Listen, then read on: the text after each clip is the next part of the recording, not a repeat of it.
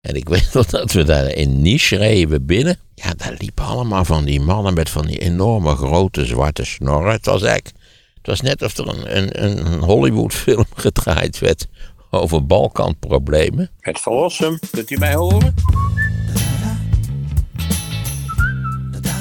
Vind je het leuk om, eh, dat was ook een vraag, eh, richting de verkiezingen een eh, verkiezingsstemwijzer in te vullen?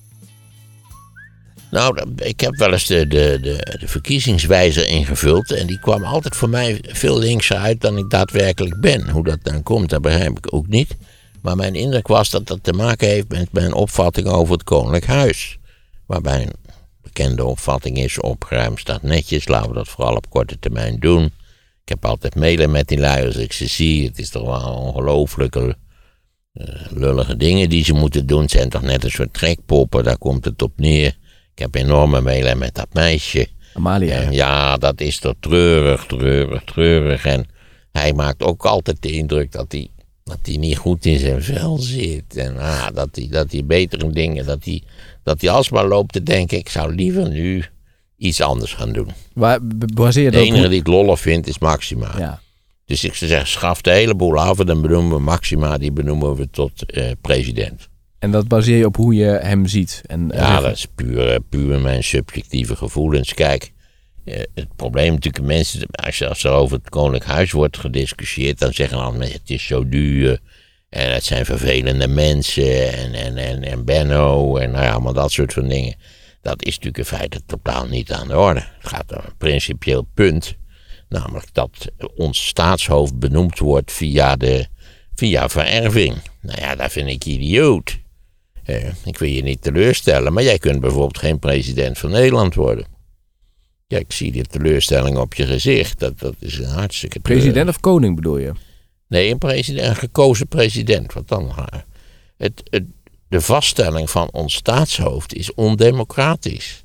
Of je zou moeten zeggen, als je daarover een referendum zou houden. We moeten straks nog even over referenda hebben. Dan zou waarschijnlijk 70% van de Nederlandse bevolking zeggen: Nou, doe die, die oranjes maar, daar zijn we aan gewend. Maar nogmaals, ik ben principieel tegen het aanwijzen van het staatshoofd langs deze zonderlinge weg. Alles is gedemocratiseerd en dit niet. Waarom niet? Nee. Je, kunt Waarom wel, kan ik geen president worden? je kunt wel natuurlijk trouwen met iemand uit het koninklijke. Ja, ik heb natuurlijk nog geprobeerd op te trouwen. Meteen, maar Jezus wou me niet. Dus zodoende. Hè, dat is natuurlijk, er zullen best wel jongens zijn misschien die nu op school zitten. Die denken, nou die Amalia, dat lijkt me wel wat. Dan word ik eh, net als Klaus, prins. Nou, als je daar ooit iets over hebt gelezen, dan denk je... Laat dit, laat dit noodlot aan mijn deur voorbij gaan. Hè? Wat heb jij daarover gelezen dan? Nou ja, denk je, ma- maakt die Amalia op jou een gelukkige Nee, helemaal niet. Ook niet Nee. door haar. Dat is natuurlijk heel zielig dat zij natuurlijk heel erg op haar Ja, uiterlijk op hangt er beoordeeld ook wordt. mee samen dat ze dus lid zijn van die koninklijke familie. Al zou een president natuurlijk ook waarschijnlijk bedreigd worden. Ik heb alles gezegd, je moet ook bij die president een beetje, eh, richt dat nou handig in, neem een vrijgezel. Je ziet, enige grote voordeel van Rutte is dat hij vrijgezel is. Geen gelul over vrouwen, kinderen, familie, eh, totaal irrelevante kletskoek, dat is er dus niet bij. Dus neem een president die niet getrouwd is, bejaard is, Wat mij betreft kan het een stevige roker zijn, dus dan weet je ook eh, dat hij het niet al te lang zal maken. En dan zou ik zeggen, beperk zijn zittingsperiode tot één termijn. Want geef je hem een tweede termijn, dan gaat hij toch allerlei popiopie dingetjes doen. En met de carnaval meedansen en allerlei andere flauwekul. Over de, over de Elfstedentocht iets zeggen, dat moeten we allemaal niet hebben natuurlijk. Ik heb wel de indruk dat eh, Maxima en Willem-Alexander hun taak heel serieus nemen als je ze zo ziet. Ja, dat is het enige natuurlijk waardoor je nog op de been blijft, dat je het ook zelf nog een beetje serieus neemt. Ja. Maar nogmaals, zij, zij straalt onveranderlijk uit als ze de lollen heeft. En hij straalt onveranderlijk uit dat hij liever iets anders zou doen op dat moment. ja, daar ben ik wel met je eens, ja. Maar ik geef toe, dat is onze, onze subjectieve interpretatie. ja. Misschien zegt hij s'avonds in bed wel tegen Maxima, wat hadden we weer een heerlijke dag, Max. Zo, zo, zo, wat hebben we genoten. Hè? Lekker zoelen. In het platte Haags, ha, ha, ha, ook zo geestig. Maar zou je die stemwijzer een keer willen invullen? Dat we die vragen hier uitprinten? ja, stuur hem mij maar toe. Ik weet niet, sta- staat die ergens? Ja. Waarschijnlijk gewoon op het internet, toch? Als ik die vragen stellen goed begrijp, zegt hij eigenlijk print het maar uit en dan ga je het gewoon hier eh, stap voor stap eh, Ah, bespreken. Oké, Oké, dat ja, ik zal het doen. Ik wil het, wil het best doen. Maar ik weet al lang wat ik ga stemmen. Dus ja, dat is... eh, Nee, maar dan, kan, dan kun je iemand meenemen die misschien nog niet eh, het weet, eh, hoe die een beetje kan denken over standpunten. Ja, ik, ik, ik, nou ja, god, bij de komende provinciale statenverkiezingen is wat je van Rusland denkt niet zo verschrikkelijk relevant natuurlijk. Lijkt mij althans. Nee. Dus gek als het wel in die is vraag dus meer wat je denkt over bijvoorbeeld het waterstaatkundige probleem waar Nederland mee geconfronteerd wordt. Maar ik weet zeker dat dat niemand ene zak in Nou ja, afgezien van mensen die, die direct betrokkenen, dat dat niemand iets interesseert. Dus het gaat zoals gewoonlijk weer over dingen die eigenlijk met de provincie, met de politiek en problemen van, van onze provincies niet zoveel te maken hebben. Om het maar interessant te maken. Nee, omdat natuurlijk al die, al die nationale partijen er doorheen gaan fietsen. Omdat de ver- verkiezing eigenlijk toch gezien wordt als een oordeel over de zittende regering. Ja, dat is het niet, maar ja, zo, het is om, ja, je weet dat dit is een onuitroeibaar probleem. Dit doet zich voor bij al onze verkiezingen. Iemand stelde nog voor, kunnen we die gemeenteraadsverkiezingen niet eens eh, samen doen met de provinciale statenverkiezingen. Ik heb altijd begrepen dat uit onderzoek blijkt dat mensen nogal geïrriteerd zijn over het feit dat ze elke twee jaar in Nederland moeten stemmen. Want we hebben natuurlijk normale parlementsverkiezingen, we hebben provinciale statenverkiezingen, we hebben gemeenteraadsverkiezingen, we hebben euroverkiezingen en we hebben ook nog eh, waterstaatsverkiezingen. Ik bedoel, waterstaatsverkiezingen. eh. nou ja. Dus is er dan een goede discussie voor ze in het openbaar over waar het in Nederland met het waterprobleem heen moet? En naar mijn gevoel niet. Ja, her en der zie je wel stukken, maar meestal toch als er weer nood is of als iemand zegt dat de, zeespiegel stijgt of zo, dan is er wel even iets, wordt er iets over gezegd. Maar het is natuurlijk op lange termijn een enorm interessant structureel probleem. Waar gaan we met dat moeras? We hebben geprobeerd hem het droog te pompen. Feitelijk is dat structureel op grote mislukking uitgedraaid. Wat gaan we met dat moras doen in de toekomst? Vooral omdat het moras een beetje zinkt. En, eh, de zeespiegel een beetje stijgt. De afvoer van de rivieren een probleem wordt. Nou ja, tel uit je winst. Interessant overigens. Hartstikke interessant. Ten meer natuurlijk omdat ik geloof als je het uitrekent dat iets van 70% van de hele wereldbevolking woont binnen op een afstand van enkele tientallen kilometers van, van zee. Wij zijn, we vinden en water in de buurt vinden we lekker. Ja, dat, dat- is toch wel een sterk punt van deze planeet. Er is veel water. Oké, ik zal eventjes nog eh, kijken of er nog... Heb je nog andere vragen waar je op terug wil Ja, komen? er was nog iets wat er net in mijn geheugen viel. Anders kan ik ze wel even erbij viel, maar nu ben ik het weer vergeten, geloof ik. Dat is Kijk, niet zo best natuurlijk. Kijken of ik ze even kan bekijken, de vragen die we hebben gehad. Het waren er inderdaad heel veel weer. eh. Jongen, jongen, jongen. Waar nog, waarvoor nogmaals eh, mijn dank. Ja, dat van het politiek gedeelte hebben we gehad. Je was ook in het theater in Uden. Eh, Ja, in Uden, want daar heb ik lichtzinnig verklaard dat wij toch in Nederland maar eh, geluks, een gelukkig volkje waren omdat we geen aardbevingen hadden. Wil nu het geval dat zo'n breuklijn dwars door Uden loopt of onder Uden loopt. Pilrandbreuk. Ja, de pilrandbreuk, en dat is geen kattenpis, want die heeft gezorgd voor die aardbeving in Roermond. En die had op de schaal van Richter toch een kracht van 5,8. Dat is toch een vrij forse beving. Dat is die beving waardoor die Duitse vrouw zo geschrokken is dat ze van de schrik overleden is. En er zijn ook wel toen ook kerktorens ingestort en zo. Dus het heeft wel, wel zich aanzienlijke zichtbare schade veroorzaakt. Er was ook iemand die zich afvroeg of je die prijsverlaging van Tesla, of je die gemist hebt. Ja, die heb ik gemist. Ik heb Tesla verdacht gemaakt door te beweren dat die Tesla's wel 70 mil kosten. Maar ik begreep dat je de simpelste types al in orde van, van voor 43, 44.000 eh, kon kopen.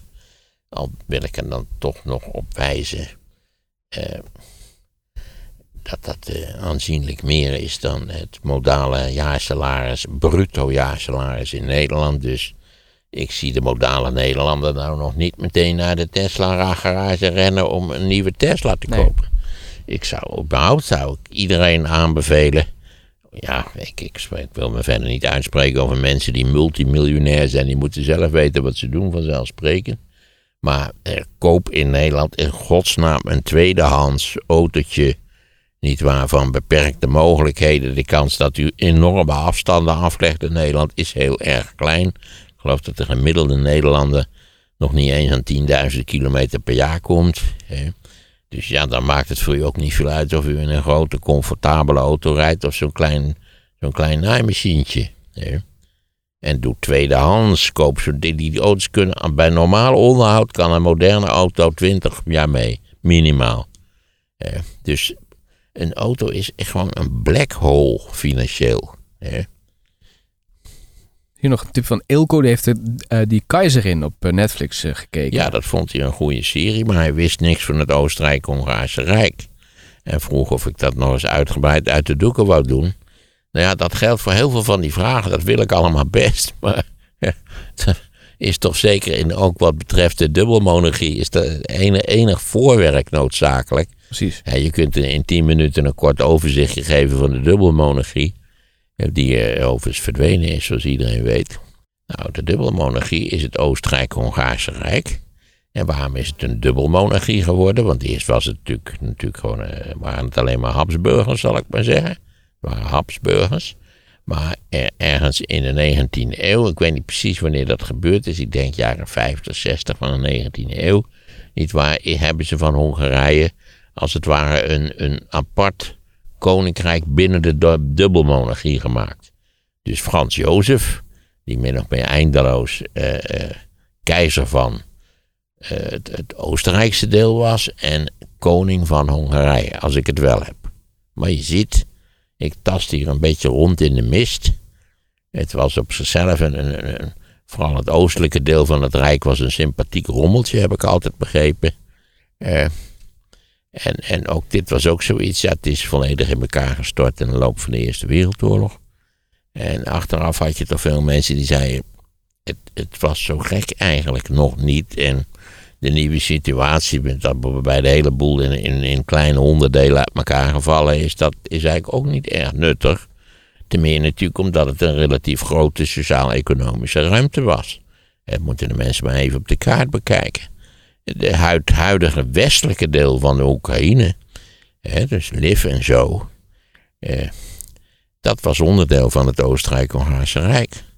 En dat is toen een tijdje eh, onderdeel geweest van Polen. En toen is het eh, onderdeel geworden tenslotte van eh, de Sovjet-Unie.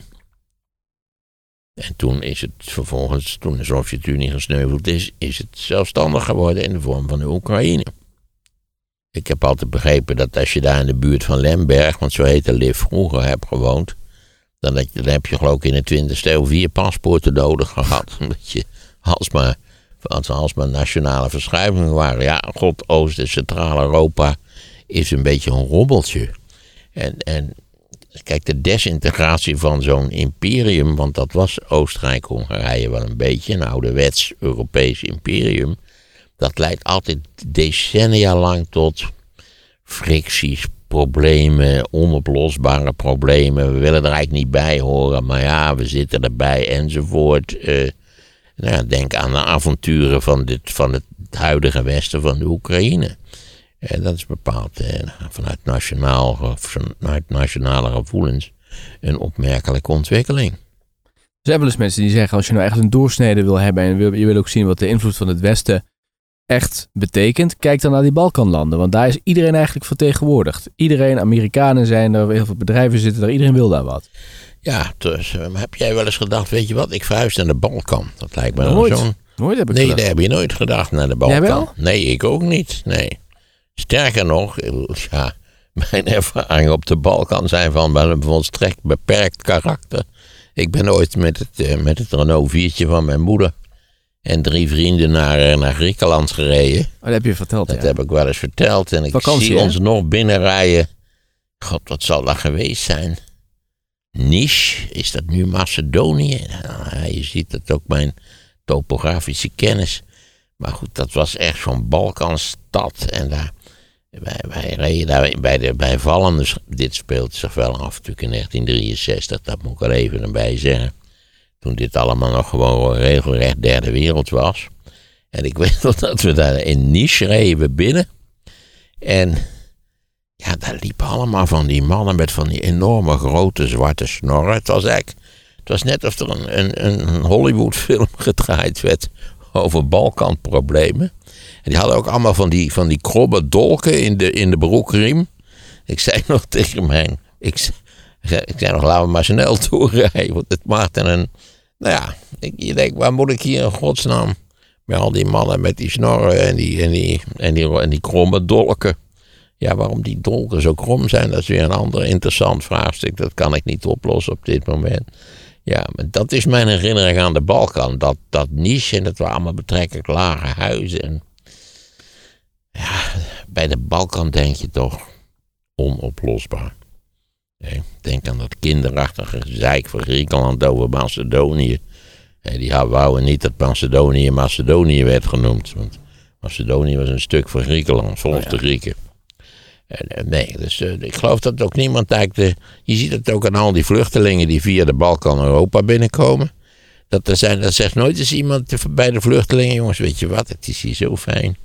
We gaan hier, we gaan hier gewoon wonen. Nee, Nederland. ze willen, ze willen altijd door naar het noorden. ja, ze willen doorreizen. Je Er klopt. zijn allerlei plekken op de wereld waar je bent en eh, waarbij je denkt: jongen, jongen, wat ben ik blij dat ik hier niet hoef eh, te gaan wonen. Denk aan al die arme mensen in Turkije die, die dakloos zijn geworden. Ja, dat is heel erg. Ja, wat had, eh, wat had Erdogan gezegd? Er kwamen in no time kwamen er weet ik hoeveel duizenden noodwoningen. En wie gelooft het? Voor zover ik weet. Weet je nog dat er een hele grote aardbeving in Italië is geweest? Ja. Waarbij die, bij die kerk is ingestort. Eh, was het niet Assisi of zo? Nou ja. Eh, en ik heb wel eens begrepen dat die mensen daar nog in die tenten wonen. Eh, niets is zo definitief als datgene wat als tijdelijk bedoeld is. Ja.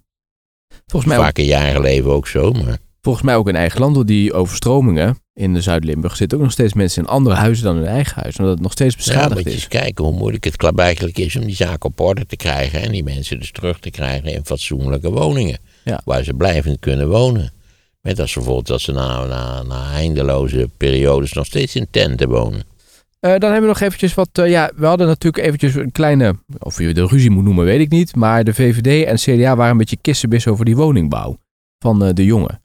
De jongen heeft natuurlijk de Ja, opgave. ik begrijp dat dat puur eh, door de verkiezingen gestuurd was. Alles, alles leidt nu even tot gekissenbis, omdat iedereen even zijn positie moet markeren. Precies. Net zo goed als honden tegen, bij, bij passages van een lantaarnpaal of een boom daar een plasje tegen doen. Dat moet nu.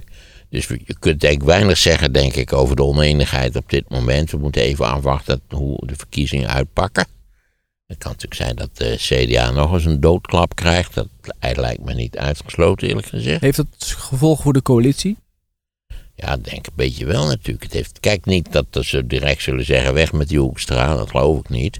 Maar het, het versterkt je positie natuurlijk niet. Want iedereen weet ja, dat de CDA, ik weet niet hoe het gaat aflopen, maar iedereen heeft de indruk, althans ik heb hem ook. Ja, het is gek hoe makkelijk je jezelf als iedereen beschouwt. Hè? Iedereen vindt, iedereen, ja, hoezo? Vaak is er geen enkel onderzoek aan, aan ten grondslag gelegen. Maar goed, iedereen vindt, iedereen denkt. Ja, het CDA is een beetje een stervende club, toch? Ja, ze zijn, er, ze zijn er niet in geslaagd om terug te komen. Nou, nog niet zo verschrikkelijk aan geleden, nietwaar? Leverden ze de minister-president. Balkenende, ja. Balkenende. was de laatste, ja. Ze zijn wel gaan het proberen om ook met die jongere tak om eh, Ja, echt... eh, maar zie jij daar iets van komen? Nog niet.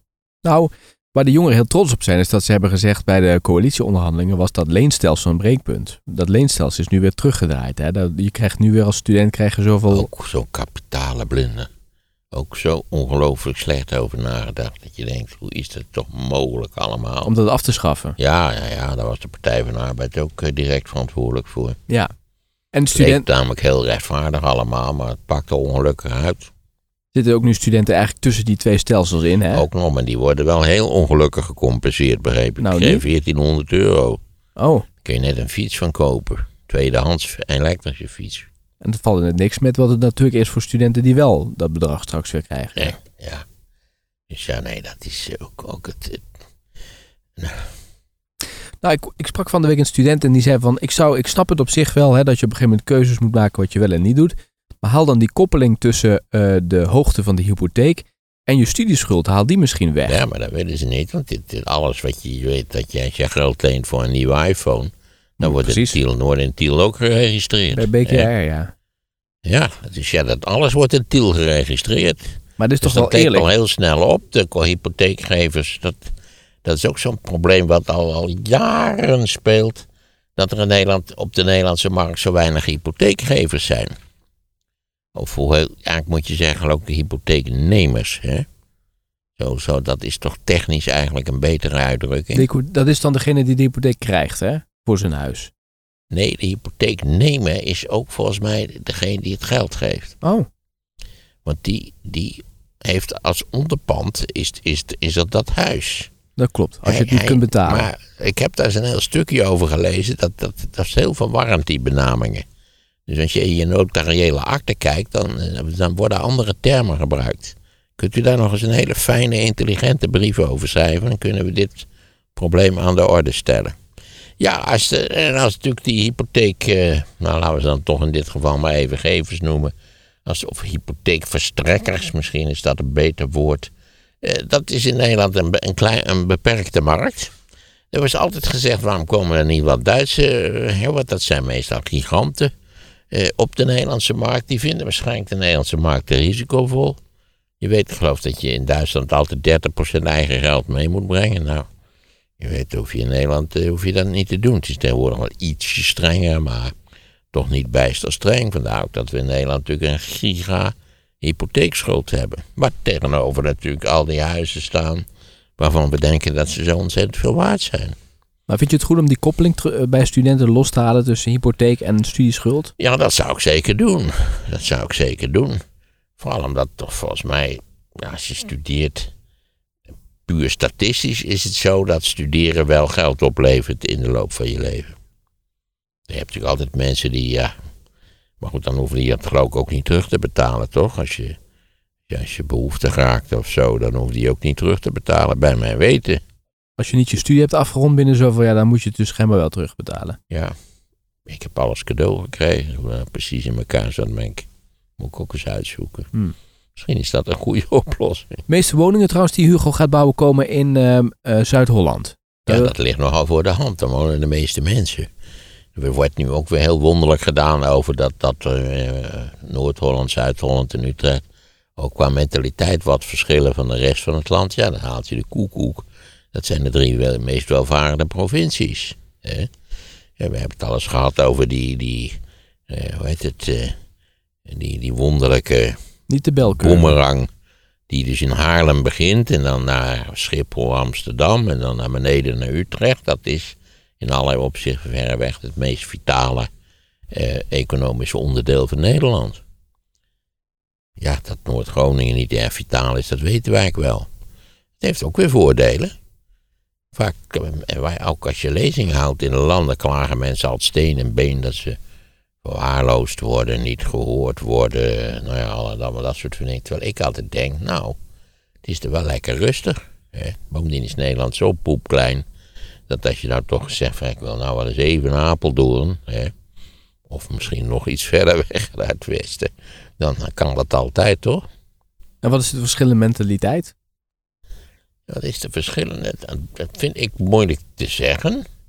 Ehm, ik denk dat, dat toch de, de, de randstedelingen wel iets, iets, iets kwieker zijn, iets, iets onaangenamer kunnen zijn, iets minder tolerant misschien. Ik vind het moeilijk te zeggen. Dat, dat, moet, dat moet je uitgebreid baseren op. Maar goed, dit, dit, dit onderzoek betrof het vertrouwen wat Nederlands hebben in de overheid. En wat bleek, Noord-Holland, Zuid-Holland en Utrecht. Zeg maar gewoon Holland, want natuurlijk die splitsing van Noord- en Zuid-Holland is natuurlijk ook een recent verschijnsel. Holland, dat is het, plus Utrecht. Nou ja, ja, daar, draait de zaak als een tierenleer. Dus dan heb je noodzakelijkerwijs heb je een meerderheid van mensen die wel tevreden is over de bestaande gang van zaken. Zo zal het wel liggen. En dan zie je dat dan is er een brede strook waar, waar de, de, de tevredenheid over de Nederlandse overheid matig is. En dan zie je natuurlijk altijd hetzelfde liedje. De extremiteiten, dus dat is helemaal Noord-Groningen en zo. Eh, langs de grenzen, Zeeuws-Vlaanderen, Limburg, altijd en eeuwig ontevreden. Over die, eh, eh, dat leenstelsel, er wordt ook nog wel gezegd, ja, als die studenten weer dat geld krijgen, besteden ze het meteen aan bier. Is dat kwalijk? Ja, dat zou kunnen. Ja, als je mensen geld geeft, dan moet je, en, en als je niet geen condities stelt, dan moet je niet zeiken als ze, dat, eh, ze er bier van gaan drinken, natuurlijk, lijkt mij althans. Als het zo is dat je hele strakke regels stelt van je moet binnen vier jaar, maximaal vijf jaar afstuderen, dan kunnen ze er wel bier van kopen natuurlijk. Maar dan moeten ze toch, zijn ze toch gedwongen om een beetje iets aan de studie te doen. Ja. Wat merkte jij daarvan tijdens jouw jaar op de universiteit? Dat toen was ook het oude leenstelsel er, dus dat je dat geld nog gewoon kreeg. Ik, er waren nog wat studenten. Ik herinner mij een meisje wat, wat prima cijfers haalde. En waar, de, waar de ouders hadden gezegd op het moment dat ze 18 werd, zoek het zelf maar uit. We, gaan, we, zijn, eh, we hebben hier gefinancierd tot je 18e. En nou is het afgelopen. Dat hoorde je volgens mij wel eens vaker. En dat betekent dus dat je geheel afhankelijk was van de studiebeurs. Terwijl je daar niet echt, voor zover ik me kan herinneren, comfortabel van kon leven. Of uh, van, nou ja, jij suggereert dat, dat alcohol een belangrijke rol speelde in, de, in het consumptiepatroon. Nee, dat, dat, moet, dat moest vaak bijgewerkt worden. Ik zwijg nog van die studenten die het leuk vonden om een baantje te hebben. Niks Mijn mee, zoon toch? vond het, het baantje wat hij had tijdens zijn studietijd veel leuker dan de studie. Wat deed hij dan? Hij verkocht aandelen voor de Rabobank. Oh, Ja, interessant bijbaantje als student. ja zeker. Dat vond hij ook hartstikke Dat leuk. hoor je niet vaak. Vaak ga, hoor je, gaat in een kroeg werken of je gaat de krant rondbrengen. Ja, nee, maar dat deed hij dus niet. En hij vond het geweldig. Eigenlijk wou, vond hij sowieso de studie een beetje flauwekul, omdat hij, hij wou graag werken. Nou ja, oké. Ja. Hij heeft ook het volle pond erbij geleend, daar niet van. Vanwege de bierconsumptie misschien. Dat en zijn. terugbetaald helemaal? Eh, volgens mij wel. Het kan zijn dat ik ook een stukje heb, dat weet ik eigenlijk allemaal niet meer. Ja, ik, ik denk daar nooit zo verschrikkelijk over na, eerlijk gezegd. nee. Maar dus dat meisje, laat ik daar even aan terugkeren, want jij, je familie, dat, dat, dat, eh, sowieso, die hebben volgens mij niet veel last gehad van deze problemen, al met al. Eh, dat meisje is prima terechtgekomen. Ten slotte liep ik in, in Maastricht een kunsthandel binnen en zij bleek daar een blitse kunsthandel te zijn begonnen. Oh, Oké, wat goed. Ja, vond ik ook. Ben dus ook eh, ik heb haar ook gefeliciteerd. Daar zie je aan. Hè. Kan ook een beetje tegenzitten, maar eh, je kunt er wat van maken. Bij die linkse samenwerking wordt ook nog wel een opmerking gemaakt door een brievenschrijver over de SP. Dat jij zegt, SP sluit je Ja, aan. ik heb die brief gelezen. En dat is waar dat de SP met name op het punt van Europa natuurlijk heel andere ideeën heeft. En ook op het punt van de werkgelegenheid. Wat weer uitstraalt naar allerlei andere vraagstukken. Daarvan zou ik toch zeggen, want ik heb volgens mij toen ik het daarover had, heb ik gezegd. De SP moet nou eens ophouden met zo'n dorpspartij te zijn. Hè? Ik bedoel, je bent links, dan trek dan ook de conclusies. Wat, wat is voor links op de langere termijn structureel, ook binnen Europa, de koers die gevaren moet worden? Als je net doet alsof Europa niet bestaat, hè, alsof ons een eiland is in, in, ergens in, in, in, in de Pacific, dan dat, dat moet je niet doen. Ja, het, ging mij puur en alleen om het feit dat al die linkse splinters, als je die bij elkaar botje bij botje legt, dan kunnen ze aanzienlijke invloed uitoefenen. En, en ja, als je natuurlijk eeuwig je kleine verschillen... Kijk, vrijwel alle politieke verschillen in Nederland zijn tot op zekere hoogte betrekkelijk klein. Hè? Ja, die moet je dus, je moet die, verschillen moet je niet accentueren. Dat is natuurlijk wel een beetje politiek. Nee, waar we het net over hebben. We gaan op weg naar de provinciale statenverkiezingen. Oh, oh, oh, wat zijn ze allemaal bezig met zichzelf te accentueren.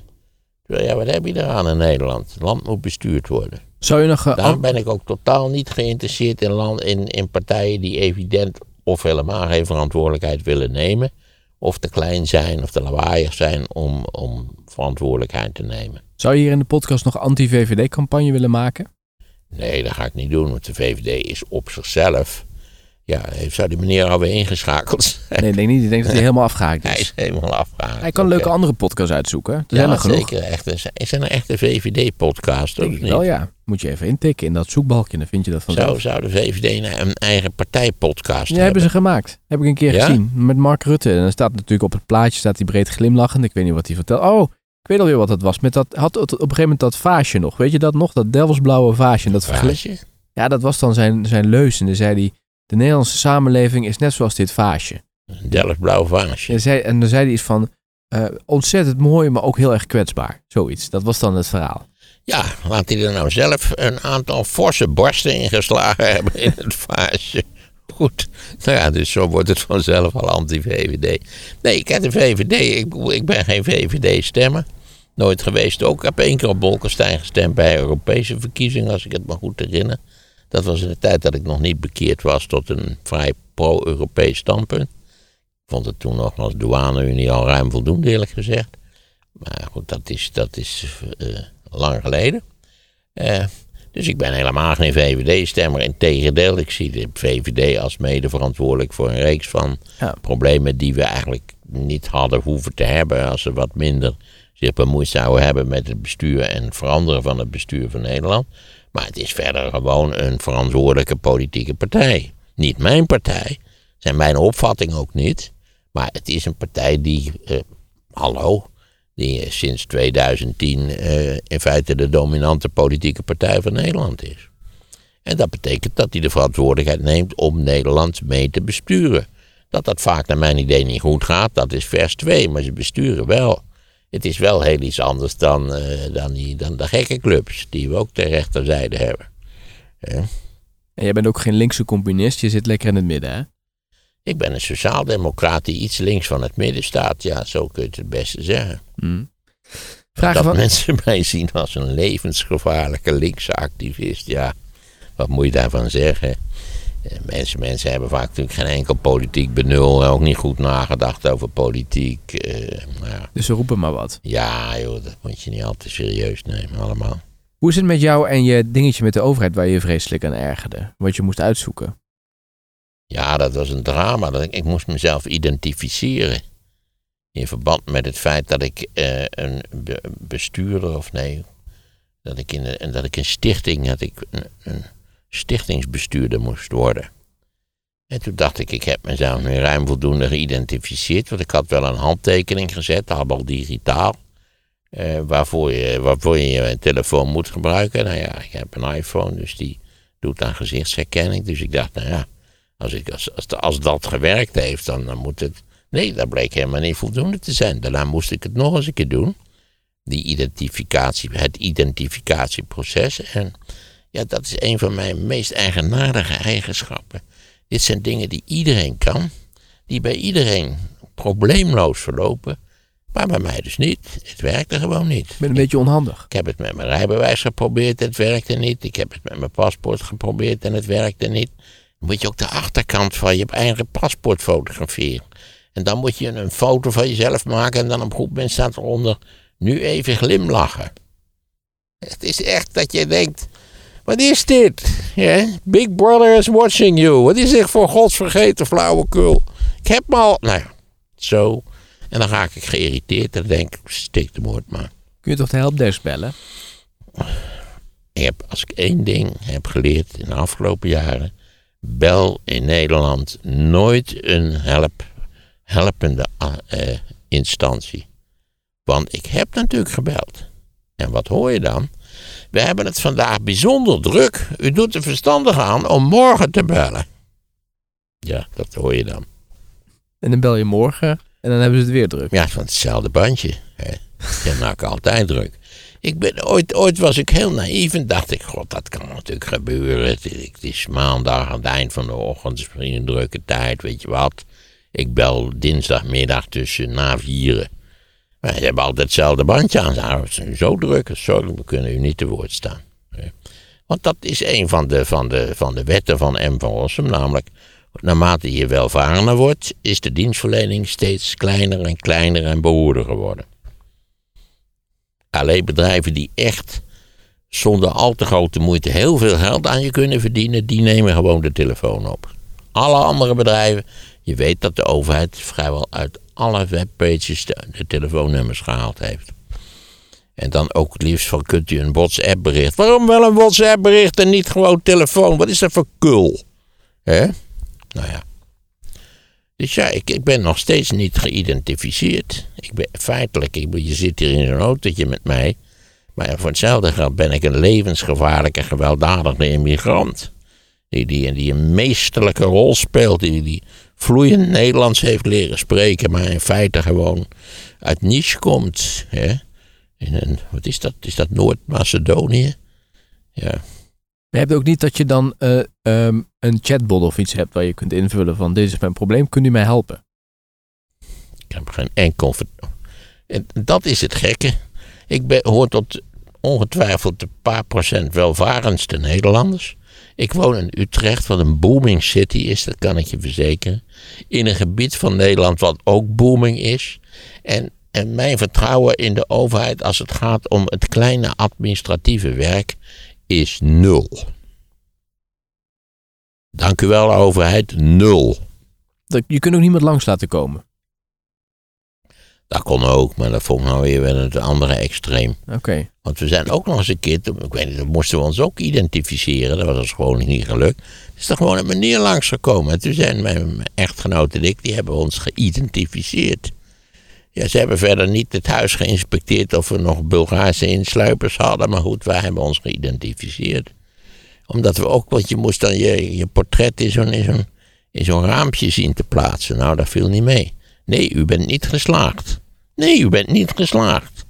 Kunnen ze dat niet wat, iets beter inrichten? Waarom wordt er zo weinig geprotesteerd tegen dit soort van knettergek gedrag van onze overheid? Waarom is het zo idioot dat ik het niet kan? Of zou het werkelijk zo zijn dat ik toch, als het puntje bij paaltje komt, tot de ramdebielen in Nederland hoor? Ik moest dit laatst ook doen en toen werd ik doorverbonden met een bedrijf in Duitsland. Was op een zaterdagmiddag en dan nam dus een juffrouw op met, een, met zo'n koptelefoontje en die zei: Oké, laat me even uw paspoort zien.